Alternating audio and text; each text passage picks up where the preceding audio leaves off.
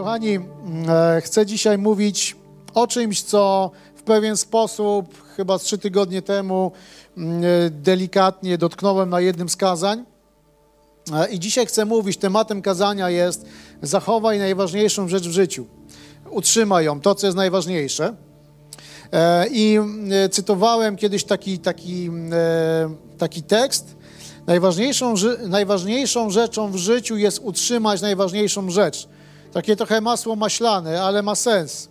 Najważniejszą rzeczą w życiu jest utrzymać najważniejszą rzecz, ponieważ w życiu istnieje wiele rzeczy, które za wszelką cenę chcą zająć to miejsce. Więc dzisiaj chcę mówić o tym, jak to zrobić, aby, mm, e, aby wiele innych rzeczy nie zajęły najważniejszej rzeczy w Twoim życiu. Nie zajęły, nie zajęły tego miejsca i nie powiedziały Ci, że teraz my jesteśmy ważne, więc możesz zmienić kierunek swojego życia. Więc y, w skrócie mówiąc, dzisiaj chcę mówić o tym, jak radzić sobie z codziennymi zmaganiami, z codziennymi wyzwaniami. Dlatego, że kiedy jesteś, kiedy jesteśmy w niedzielę w kościele, to to jest dobre miejsce. E, to było dobre miejsce od godziny 10, 11.30. E, fantastycznie i dzisiaj dalej mamy kolejne i to jest dobre miejsce, kiedy gdzie jesteś.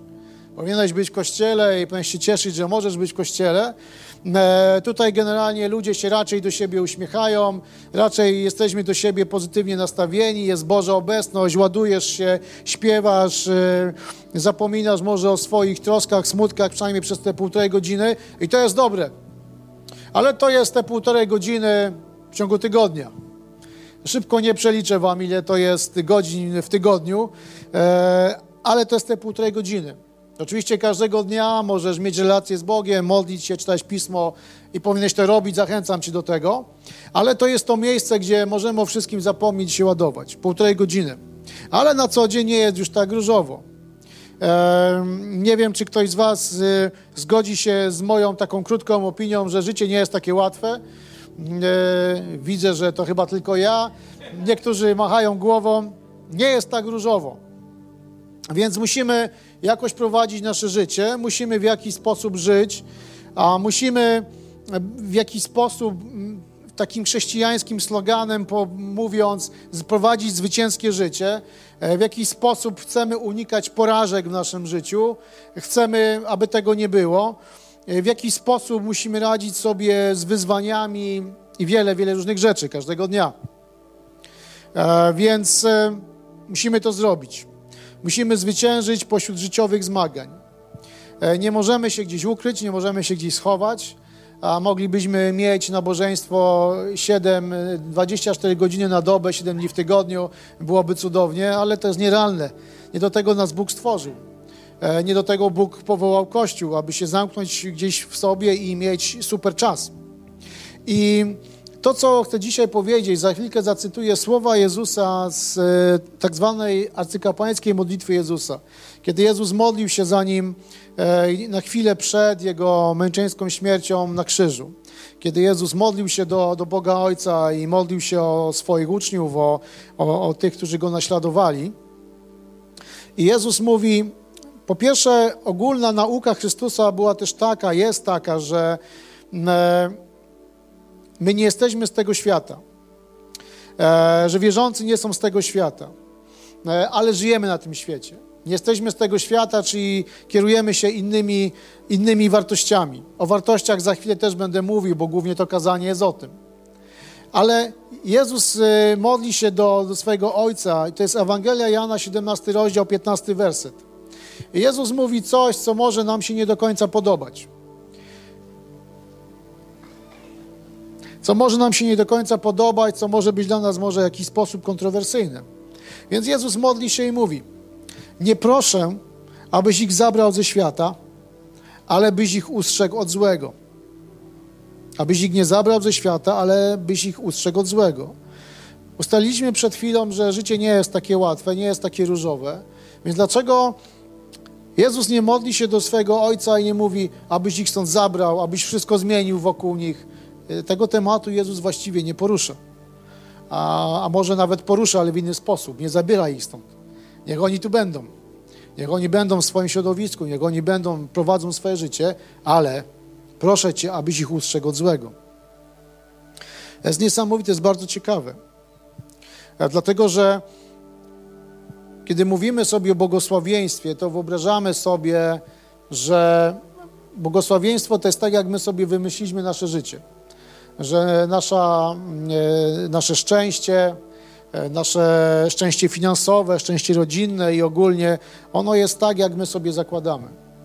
Jednak Jezus cytując te, mówiąc te słowa, chyba nie do końca możemy się z tym zgodzić. On będzie nam błogosławił, ale w sposób taki, jak On zamierzył. Do tego też za chwilę dojdziemy. Więc Jezus mówi, nie proszę Cię, abyś zabrał ich z tego świata, ale abyś ich ustrzegł od złego. I dalej Jezus w Ewangelii Mateusza, i chciałbym, abyśmy odczytali ten tekst. Ewangelia Mateusza, piąty rozdział, czyli kazanie na górze i część tego kazania. Ewangelia Mateusza, piąty rozdział, wersety od 13 do 16. Pan Jezus mówi do swoich uczniów: Wy jesteście solą ziemi. Gdyby sól zwietrzała, nikt smaku by jej nie przywracał. Byłaby nieprzydatna w sam raz do wyrzucenia i podeptania przez ludzi. Wy jesteście światłem świata. Nie da się ukryć miasta, które leży na górze. Nie zapalają też lampy, by ją postawić pod garnkiem. Światło umieszcza się na świeczniku, skąd w obecnym domu świeci skąd obecnym w domu świeci najskuteczniej. Tak niech i wasze światło świeci wobec wszystkich. Niech ludzie zobaczą wasze szlachetne czyny i wielbią waszego Ojca w niebie. Więc Jezus mówi, jesteście, jesteście solą. I gdyby można było tak streścić e, w kilku słowach te kilka wersetów, to Jezus mówi, nie utraćcie swojego smaku. Jezus mówi, zachowajcie, abyście byli solą, bo jak stracicie swój smak, to właściwie przestajecie być komukolwiek potrzebni nie macie smaku. No, gdyby wasza sól zwietrzała w domu, no to wyrzucicie ją, pójdziecie do jednego z dużych sklepów i kupicie sobie tam nową sól. A Jezus mówi, inaczej was ludzie podepczą. I mówi też, miasto, które jest na górze, zapominam to, wy jesteście światłem, nie da się ukryć miasta, które leży na górze. Więc jeżeli pokazuje, że miasto, które jest na górze, jeżeli wy jesteście na górze, jesteście w miejscu jakiegoś swojego życia, to też w jakimś celu. I mówi, więc nie zatraćcie swojego smaku. Więc mówi, jeżeli jesteś świecą, jeżeli jest świeca, jest światło, to nie po to, aby świeciła pod garnkiem, pod łóżkiem, e, w komórce była zamknięta, ale po to, żeby oświetlała pomieszczenie, więc e, Twoje, moje życie jest, jest po to, abyśmy, abyśmy coś czynili. Chrystus, jeżeli urodziłeś się, przyszedłeś na ten świat i jesteś, to z jakiegoś konkretnie powodu. Nawet jeżeli może dzisiaj czyjeś życie jest w jakiejś ciemnej dolinie, to jednak Bóg ma jakiś konkretny plan dla Twojego życia, aby je błogosławić. Więc mówi, zachowaj tą najważniejszą rzecz. Gdybyśmy wrócili do tematu kazania, zachowaj tą najważniejszą rzecz w swoim życiu, aby inne rzeczy nie zajęły tego miejsca. Zachowaj swój smak, aby świecił, aby Twoje życie było błogosławione, abyś swoim życiem błogosławił innym.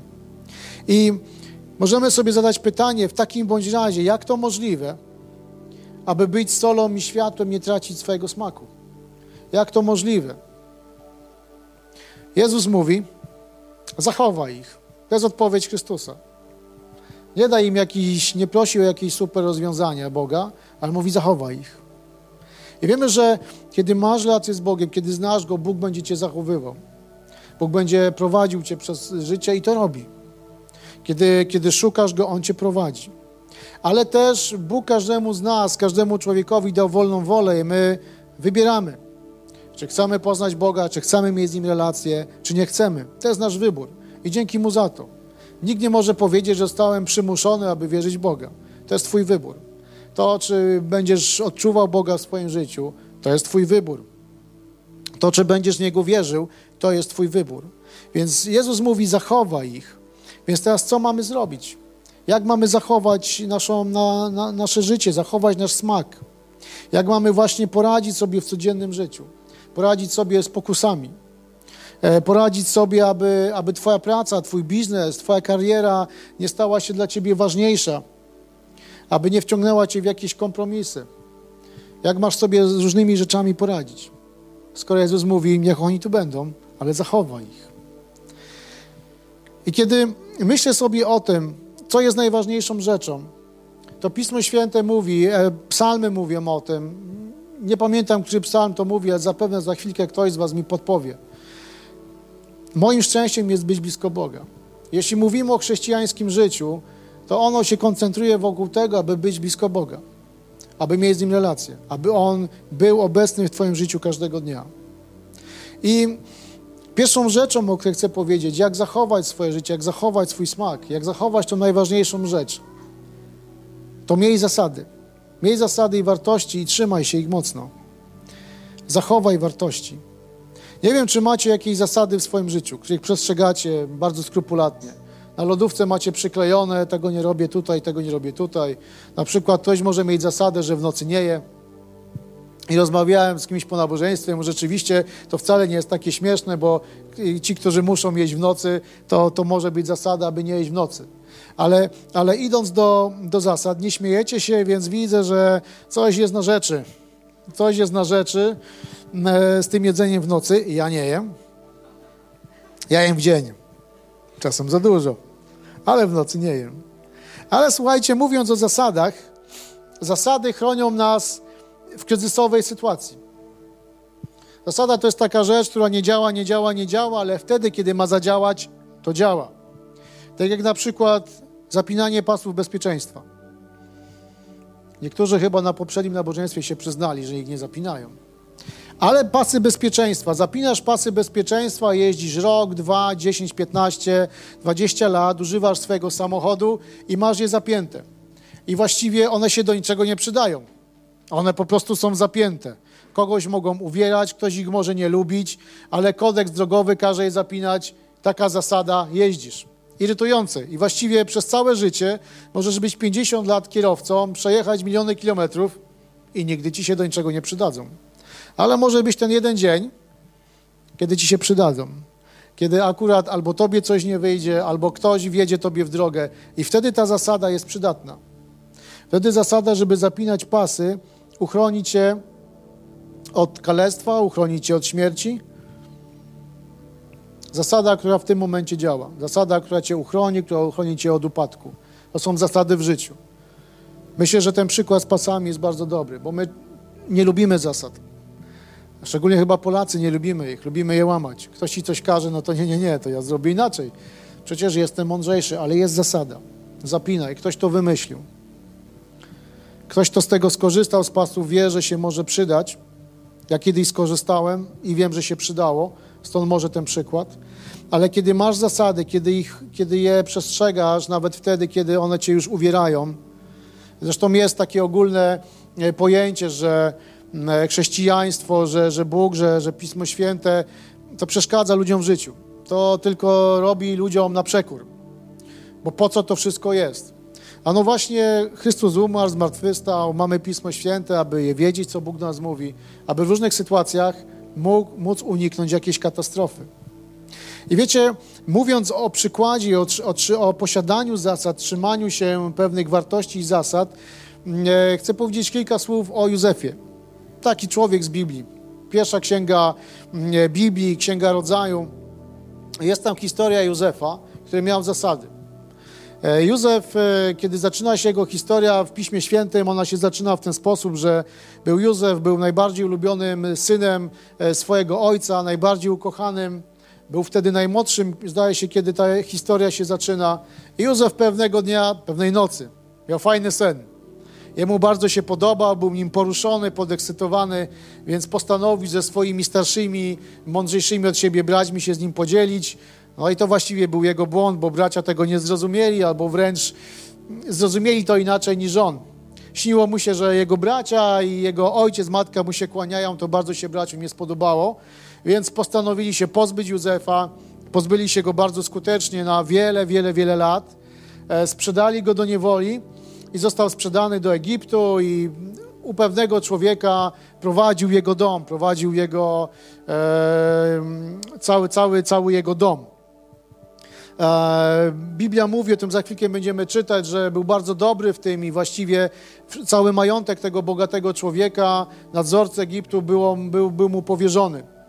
E, miał też ten człowiek kobietę, e, a Biblia mówi, że Józef był bardzo przystojnym młodym człowiekiem, więc naturalnie Józef podobał się żonie jego pana i próbowała go na pewne rzeczy przymusić wręcz. I chciałbym, abyśmy przeczytali Księgę Rodzaju, 39 rozdział, 9 werset.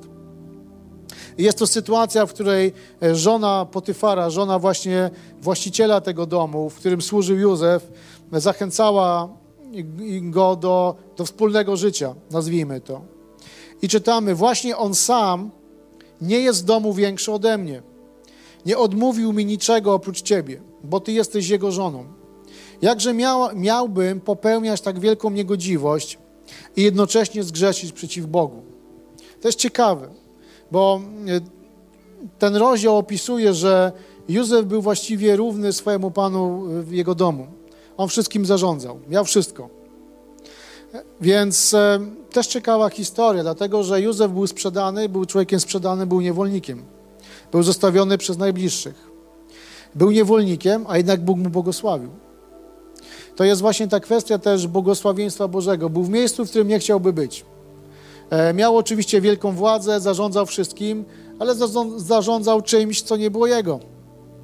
Zarządzał czyimś majątkiem, ale Bóg mu tam błogosławił. Wiecie, dlatego, że my, tak jak mówiłem, często oceniamy to błogosławieństwo Boże przez e, nasze ludzkie rozumienie. Chcemy tu i teraz i inaczej Bóg nam nie błogosławił. Ale nawet w, w dolinie, w jakiejś życiowej dolinie, kiedy jesteśmy, Bóg jest z Tobą i może Ci błogosławić. I to pokazuje historia życia Józefa. Jego historia jest bardzo skomplikowana. Jeśli jej nie znacie, zachęcam, przeczytajcie ją. Wiele, wiele lat jeszcze Józef się tułał, i, ale Bóg cały czas był z nim i mu błogosławił. Więc Bóg jest zawsze z człowiekiem i zawsze jest gotów nam błogosławić, kiedy jesteśmy mu wierni. Więc e, ciekawa historia. Józef zarządza całym domem. Biblia mówi, że e, właściwie on sam, Józef mówi, że właściwie mój Pan nawet nie jest większy ode mnie. Mam wszystko. Więc jest sytuacja, taka sytuacja życiowa, gdzie może ci uderzyć tak zwana woda sodowa do głowy. Masz wszystko. Twój Pan jest na równi. Bardzo często nie ma go w jego biznesie, nie ma go w jego domu. Masz wszystko. Dlatego pojawia się jego żona, która może bardzo chciała mu pomóc tym, aby jednak to on stał się panem tego domu i, i może jej jakimś, e, nazwijmy to, przybieranym, przyczepianym mężem. Mogła mu w tym pomóc. Myślę, że jest to historia życia wielu ludzi, myślę. Kiedy pojawia się okazja, to ludzie biorą rzeczy, które nie należą do nich. Wypychają kogoś z tego, co, co jest ich i biorą sami. To jest taka sytuacja. Mógł skorzystać. Biorąc pod uwagę jego władzę, jego możliwości i bardzo zaangażowaną żonę jego, jego pana, to się mogłoby się to udać. Jednak, e, jednak co mówi Józef? Józef ma zasady i mówi, jak miałbym popełniać tak wielką niegodziwość i uwaga, jednocześnie zgrzeszyć przeciwko Bogu. To jest zasada. To jest zasada. Ja mam, ja to zrobię, nie, nie, będę, nie będę w te rzeczy wchodził. Pan zachował go wtedy od złego. A dlaczego? Dlatego, że miał relację z Bogiem, miał pewną zasadę. Miał pewne granice, których nie przekroczy. Których nie przekroczy. Wiecie, żyjemy w różnych miejscach, w środowiskach, w pracy, spotykamy się z różnymi rzeczami. Życie nie zawsze jest różowe, ale kiedy będziesz miał ufność do Boga, będziesz miał zasady, właściwą postawę, to On cię zachowa od jakiejś ruiny w Twoim życiu. Więc co możemy zrobić? Pytanie jest, czy masz, czy mamy, czy mamy, czy masz pewne określone zasady w swoim życiu, określone granice, ustawione granice w różnych sytuacjach. Czy masz określony czas z Bogiem? Czy masz czas z rodziną? Czy masz ustawione granice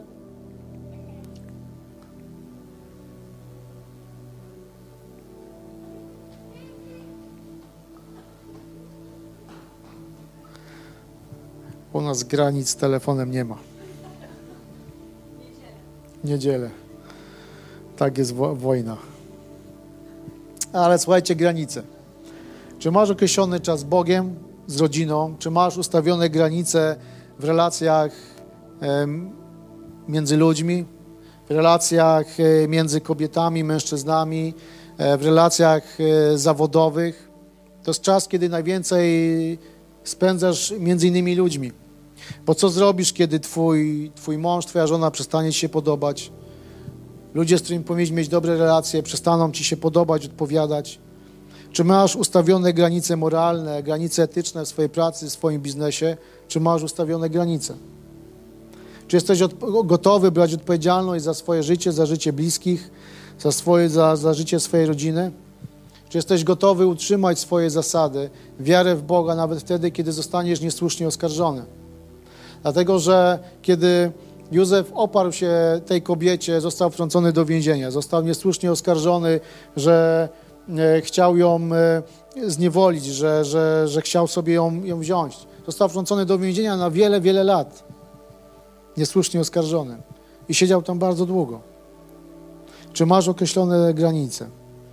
Granice i zasady to są rzeczy, które w różnych sytuacjach mogą się przydać. Czy przesuwasz granicę, czy ona jest po prostu sztywno ustawiona.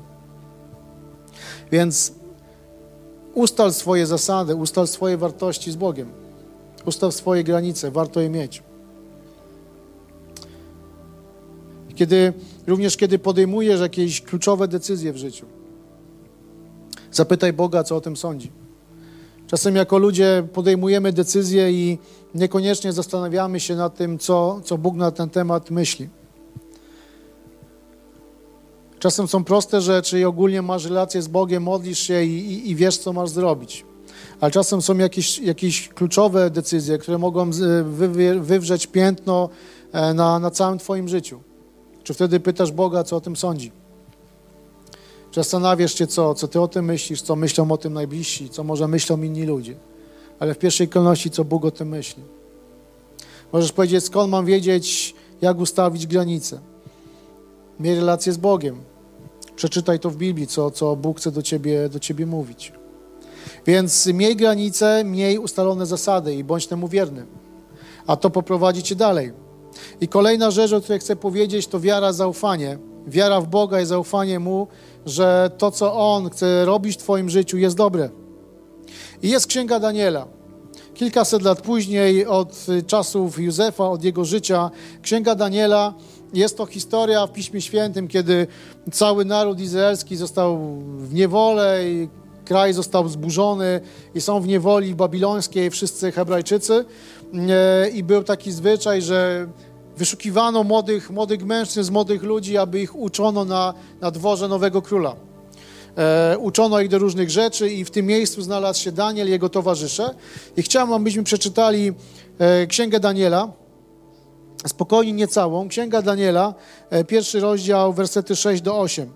I tu jest historia, kiedy czterech młodych przyjaciół, czterech młodych Hebrajczyków znajduje się w obcym kraju, w miejscu, w którym również raczej nie chcieli się znaleźć. I następuje taka sytuacja. Wśród chłopców judzkich znaleźli się m.in. Daniel, Hananiasz, Miszal i Azariasz. Przełożony służby dworskiej zmienił ich imiona. Danielowi dał na imię Bel Belszazar, Hananiaszowi Szadrak, Miszalowi Mesza, Meszak, a Azariaszowi Abednego. Natomiast Daniel postanowił w swoim sercu, że nie będzie kalał się potrawami z królewskiego przydziału, ani winem z królewskich składów. Zaczął więc zabiegać u przełożonego służby dworskiej, by pomógł mu uniknąć skalania. I werset 20 mówi, i za każdym razem, gdy król zwracał się do nich ze sprawą wymagającą mądrego i rozważnego podejścia, stwierdzał, że dziesięciokrotnie przewyższają wszystkich wróżbitów i czarowników, których ma w swoim królestwie. Więc jest historia, znaleźli się tam y, czterech młodych ludzi, o nich akurat tutaj Biblia mówi, i zmieniają imiona. Taki był zwyczaj, że zmieniano imiona, e, aby zmieniać też tożsamość ludzi, aby ich oderwać od ich kultury od ich religii, więc robią to. Zmiana imion, które mają inne znaczenie, inne znaczenie kulturowe, więc zmieniają imiona, aby zmienić ich tożsamość. Co ciekawe, miejsce, w którym się znaleźli, to jest też miejsce dla nich rozwoju, bo uczą ich, szkolą ich, są na dworze. Więc dano im, zmieniają ich, chcą ich zmienić ich tożsamość, ale dają im możliwości rozwoju osobistego, zawodowego, społecznego. Oni się tam naprawdę rozwinęli byli najmądrzejsi. O Danielu będziemy za chwilę czytać dalej, gdzie Daniel też był drugi po, po królu Dariuszu w królestwie Babilonu. Więc zmieniono ich imiona, ale co ciekawe, oni wiedzieli dalej, kim są. Wiedzieli, kim są, więc powtarzane kłamstwo nie stało się dla nich prawdą. Oni mówią, że nie chcieli się, nie chcieli jeść e, jedzenia, które im podawano, które było z, ze stołu królewskiego. Dlatego, że dla Hebrajczyków nie, niegodziwością wobec Boga było, gdyby jedli jedzenie poświęcone pogańskim bóstwom. Dlatego nie chcieli tego jeść. Dlatego próbowali wykręcić się z tego, jeść inne rzeczy. Stąd ta propozycja z ósmego wersetu, aby, aby nie jedli tych rzeczy. Więc zmieniono ich imiona. Znaleźli się w bardzo ciekawym miejscu, w miejscu rozwoju, ale dalej wiedzą, kim są. Dalej wiedzą, kim jest ich Bóg. Więc presja otoczenia, presja otoczenia kultury, jestem przekonany, była ogromna wtedy. Przecież mogli się temu poddać. Otworzyły im się szeroko drzwi, szerokie możliwości. I mówią im, dzisiaj masz inaczej na imię. Zaczęli im poddawać wątpliwość w to, co wierzą, e, poddawać wątpliwość ich Boga, Boga Hebrajczyków. I wielokrotnie my dzisiaj się też z tym spotykamy. Kiedyś, co, kiedyś rzeczy, które były cnotą, które były mądre, które były prawdziwe, e, które uchodziły za rzeczy, które warto naśladować, dzisiaj takie nie są.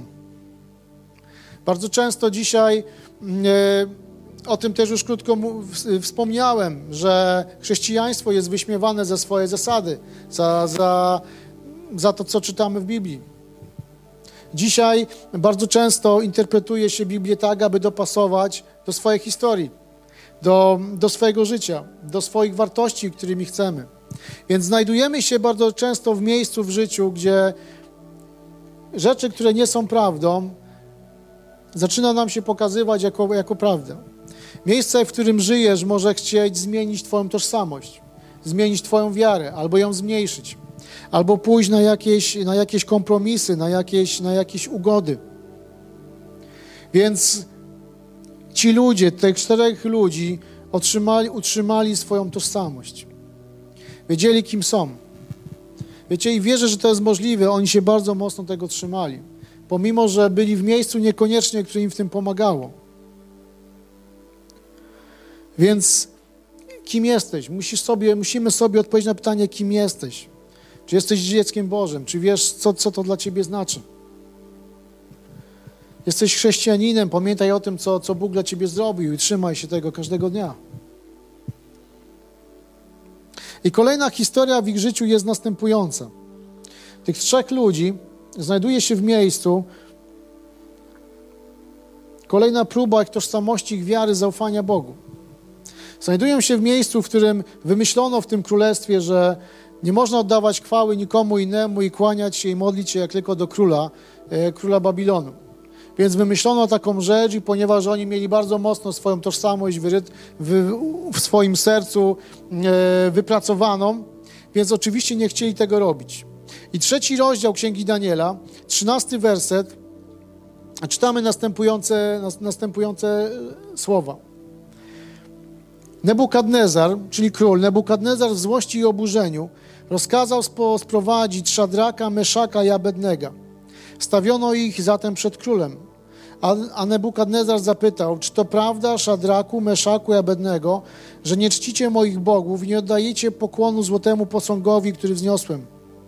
A czy teraz, jeśli usłyszycie dźwięk rogu, fletu, cytry, harfy, lutni, dud i innych instrumentów muzycznych, jesteście gotowi upaść i złożyć pokłon posągowi, który ja zbudowałem? Bo jeśli nie, będziecie natychmiast wrzuceni do wnętrza rozpalonego pieca i, i który Bóg wyrwie was z mojej ręki. Szadrak, Meszak i Abednego odezwali się i tak odpowiedzieli królowi Nebukadnezarowi. My nie mamy potrzeby odpowiadać Ci na to pytanie. Jeśli nasz Bóg, któremu służymy, może nas wyratować z rozpalonego pieca i z Twojej ręki, o królu, to nas wyrwie. A jeśli nawet nie, to niech Ci będzie wiadomo, o królu, że Twoich bogów nie czcimy i złotemu posągowi, który wzniosłeś, pokłonu nie oddamy. I dalej werset 21 mówi: Mężczyzn związano tak jak stali, w płaszczach, spodniach, czapkach, szatach, i tak wrzucono ich do rozpalonego pieca.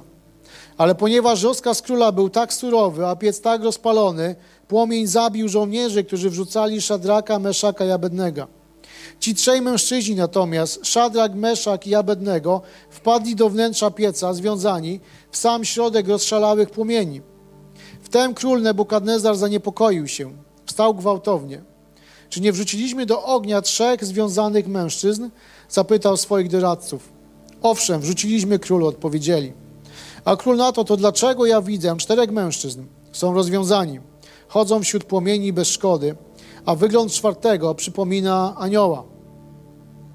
Więc jest taka historia, jest pies, które groziła im katastrofa. Właściwie wystarczyłoby, gdyby uklęknęli sobie w jakiś tam sposób, może bokiem, e, uklęknęliby przed, oddaliby pokłon temu posągowi, e, tym bóstwom e, tam, tamtego królestwa, a potem by poszli i powiedzieli, Panie Boże, jest taka sytuacja, no co mieliśmy zrobić?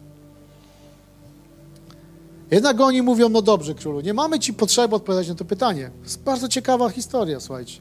Jest sytuacja, jest podbramkowa, jest, jest kluczowa dla ich życia, kluczowa też dla ich przyszłości.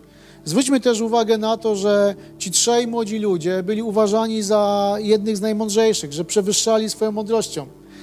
Więc myślę, że byli blisko króla. Byli, może byli jego ulubieńcami. Więc również swojego króla stawiają w bardzo niezręcznej sytuacji.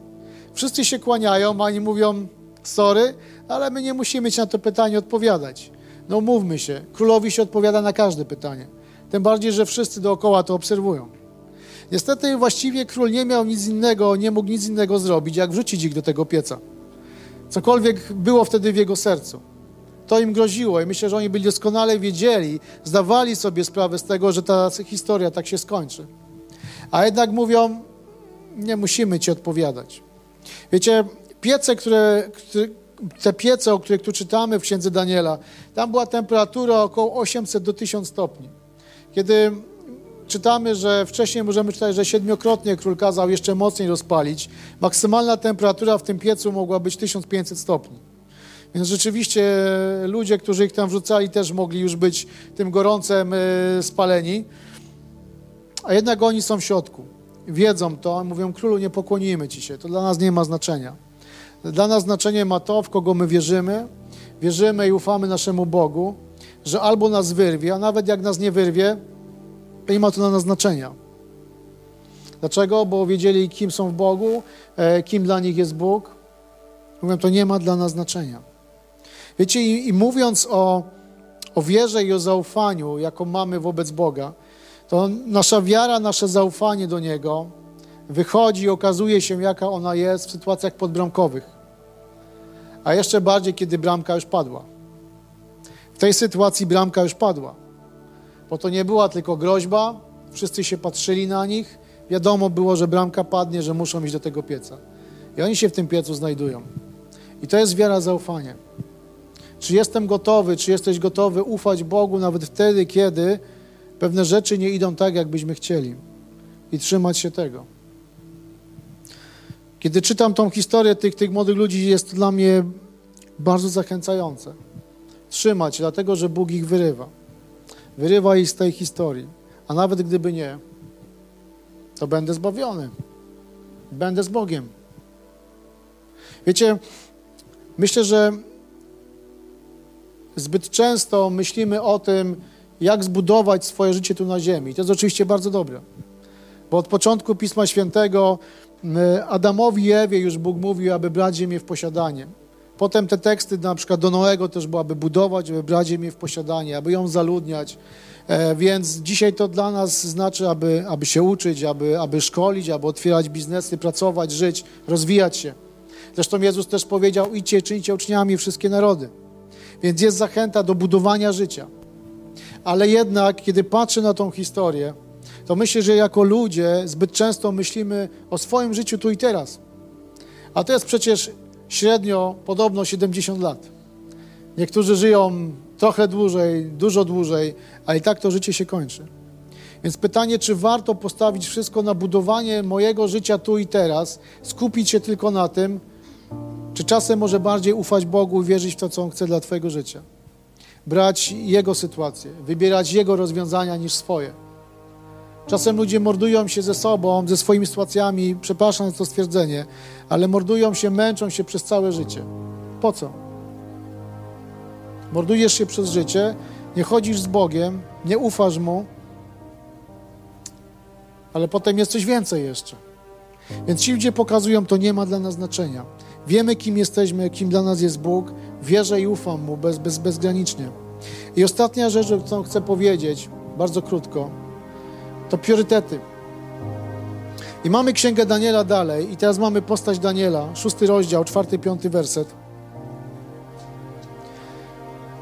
W tym królestwie Babilonu zmienił się król i kilka słów o Danielu, szósty rozdział, czwarty, piąty werset.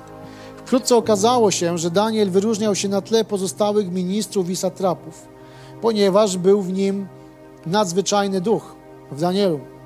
Król zamierzał nawet powierzyć mu rządy nad całym królestwem. Trochę podobna historia jak z Józefem, tylko w większym rozmiarze, bo nad całym królestwem. To sprawiło, że ministrowie, satrapowie szukali w sprawach służbowych powodu do skargi przeciw Danielowi. Nie mogli jednak znaleźć niczego, co zasługiwałoby na naganę. Daniel okazywał się człowiekiem godnym zaufania, także nie dało się u niego stwierdzić żadnego zaniedbania ani oznak korupcji. Życie. Kiedy jesteś na podobnym poziomie jak wszyscy wokół ciebie, to masz znajomych, masz kolegów, masz przyjaciół. Ale kiedy zaczynasz się wyróżniać, albo jeszcze cię awansują i mówią o tobie dobrze, to ci, z którymi wczoraj oglądałeś mecz albo byłeś gdzieś, nie mówmy już może gdzie, e, przestają być twoimi przyjaciółmi. Życie. I to była, to była ta sytuacja. Daniel był znamienity, był najlepszy, więc zaczęli szukać na niego haków. Mam nadzieję, że ty nigdy na nikogo nie szukałeś haków. Jeśli szukasz, to zmień to w swoim życiu. Więc, więc wymyślono sposób, podobny jak z tym piecem, że kto będzie się modlił do innego Boga niż do króla i do bóstw, y, bogów pogańskich, których mieli, ten zostanie wrzucony do lwiej jamy. No i wiadomo, jak taka historia się kończy. Lwy z reguły w tych jamach były wygłodniałe, czekały na swoją ofiarę. Więc jest ta sytuacja, Daniel o tym doskonale wie, wie, że takie zarządzenie padło, ale podobnie jak z tymi jego trzema przyjaciółmi trochę wcześniej, chyba powiedział to samo, a ja wam na to nie będę nic odpowiadał, ja pójdę i dalej, będę się modlił, będę uwielbiał mojego Boga, bo to jest dla mnie najważniejsze. I rzeczywiście Daniel to robi, trafia do tej lwiej jamy, zostaje oczywiście wyratowany przez Boga, ale co tutaj się dzieje, kochani? To są właśnie priorytety. Co jest dla nas najważniejsze? Zasady, wiara, zaufanie i priorytety. Co będę pilnował najbardziej? Dla Daniela najważniejsze było, aby nie ulegać presji, aby jego wiara w Boga, jego prawdziwe, święte życie, chrześcijańskie życie było ważniejsze niż presja otoczenia, niż możliwość utracenia wpływów, niż możliwość stracenia jakichś finansów, stracenia przychylności innych ludzi, dla niego było ważniejsze. Wiecie, potrzebujemy mieć priorytety. Potrzebujesz mieć priorytety w swoim życiu z Bogiem. Kiedy przychodzą momenty, kiedy możesz coś wybierać, to ty musisz wiedzieć, co jest dla ciebie najważniejsze, aby tego pilnować, aby to zachować w swoim życiu. Więc, kochani, zasada. Zasady, wiara, zaufanie, priorytety. Codziennie wybieramy rzeczy, dokonujemy wyborów, które albo nas uskrzydlają, albo podcinają nam skrzydła. Codziennie i dzisiaj dokonujemy wyborów, które będą miały wpływ na to, co będzie jutro. Ale wierzę, że Bożym zamiarem i pragnieniem jest to, aby, aby każdy człowiek był po pierwsze z Nim pojednany, a po drugie, żeby słowa Jezusa, że zachowa ich, abyśmy z Bożą pomocą dokonywali właściwych wyborów każdego dnia, aby Bóg nas zachowywał, abyś był blisko Niego. Jeśli jesteś w jakiejś dramatycznej sytuacji, to patrząc na historię Józefa, Bóg może Ci błogosławić, może Cię z tego wyciągać. Historia Józefa kończy się bardzo dobrze. Kochani, chciałbym, abyśmy powstali, abyśmy mogli modlić się na koniec tego nabożeństwa. Chciałbym Was zachęcić, i zespół oczywiście zapraszam. Chciałbym, chciałbym Was zachęcić też do modlitwy, jeśli coś z tego, co co mówiłem przez ostatnie kilkanaście minut. Dotyka waszego życia. Jeśli masz potrzebę, aby modlić się indywidualnie, to zapraszam Cię, kiedy będziemy uwielbiać Boga, kiedy będziemy śpiewać ostatnią piosenkę tego nabożeństwa, abyś mógł wyjść, abyśmy mogli modlić się z Tobą. Ale dzisiaj chcemy się modlić także i chcę zachęcać Cię do modlitwy, abyś, abyś ustawił zasady i granice w swoim życiu. Panie Jezu, dzisiaj przychodzimy i dziękujemy Ci za Twoje słowo. Dziękujemy Ci, Jezu, za to, że Ty nie wyrywasz nas na siłę z tego świata, ale dajesz nam inne rozwiązania. Dziękujemy Ci, Jezu, za to, że Twoim pragnieniem jest to, aby każdy z nas, aby każdy człowiek był zachowany od złego. I dzisiaj, Panie, chcemy być w miejscu, chcemy stawiać swoje życie w miejscu, w którym zachowujemy, zachowujemy nasze życie od złego. Panie, proszę Cię o to, abyśmy mieli zasady, abyśmy mieli granice w swoim życiu, których dzięki Twojej pomocy nie będziemy przekraczać. Panie, chcę modlić się dzisiaj także z tymi osobami, które może te granice przesunęły, które może złamały te zasady i są w jakimś trudnym życiowej sytuacji. Proszę Cię, Panie, o odnowę ich życia, o odbudowę ich życia. Chcę prosić Cię, Panie, i chcę modlić się z osobami, które może z powodu jakichś dramatycznych wydarzeń tracą wiarę i zaufanie w Twoje rozwiązania. Chcę prosić Cię o tych, w którym życiu, Panie, właśnie może padła już ta bramka i nie wiedzą, co dalej zrobić. Dzisiaj, Panie, proszę Cię, abyś ich umocnił, abyś ich wyprowadzał. Panie, chcemy, abyś Ty był dla nas najważniejszy. Oddajemy Ci chwałę. Niech Twoje imię będzie uwielbione. Amen.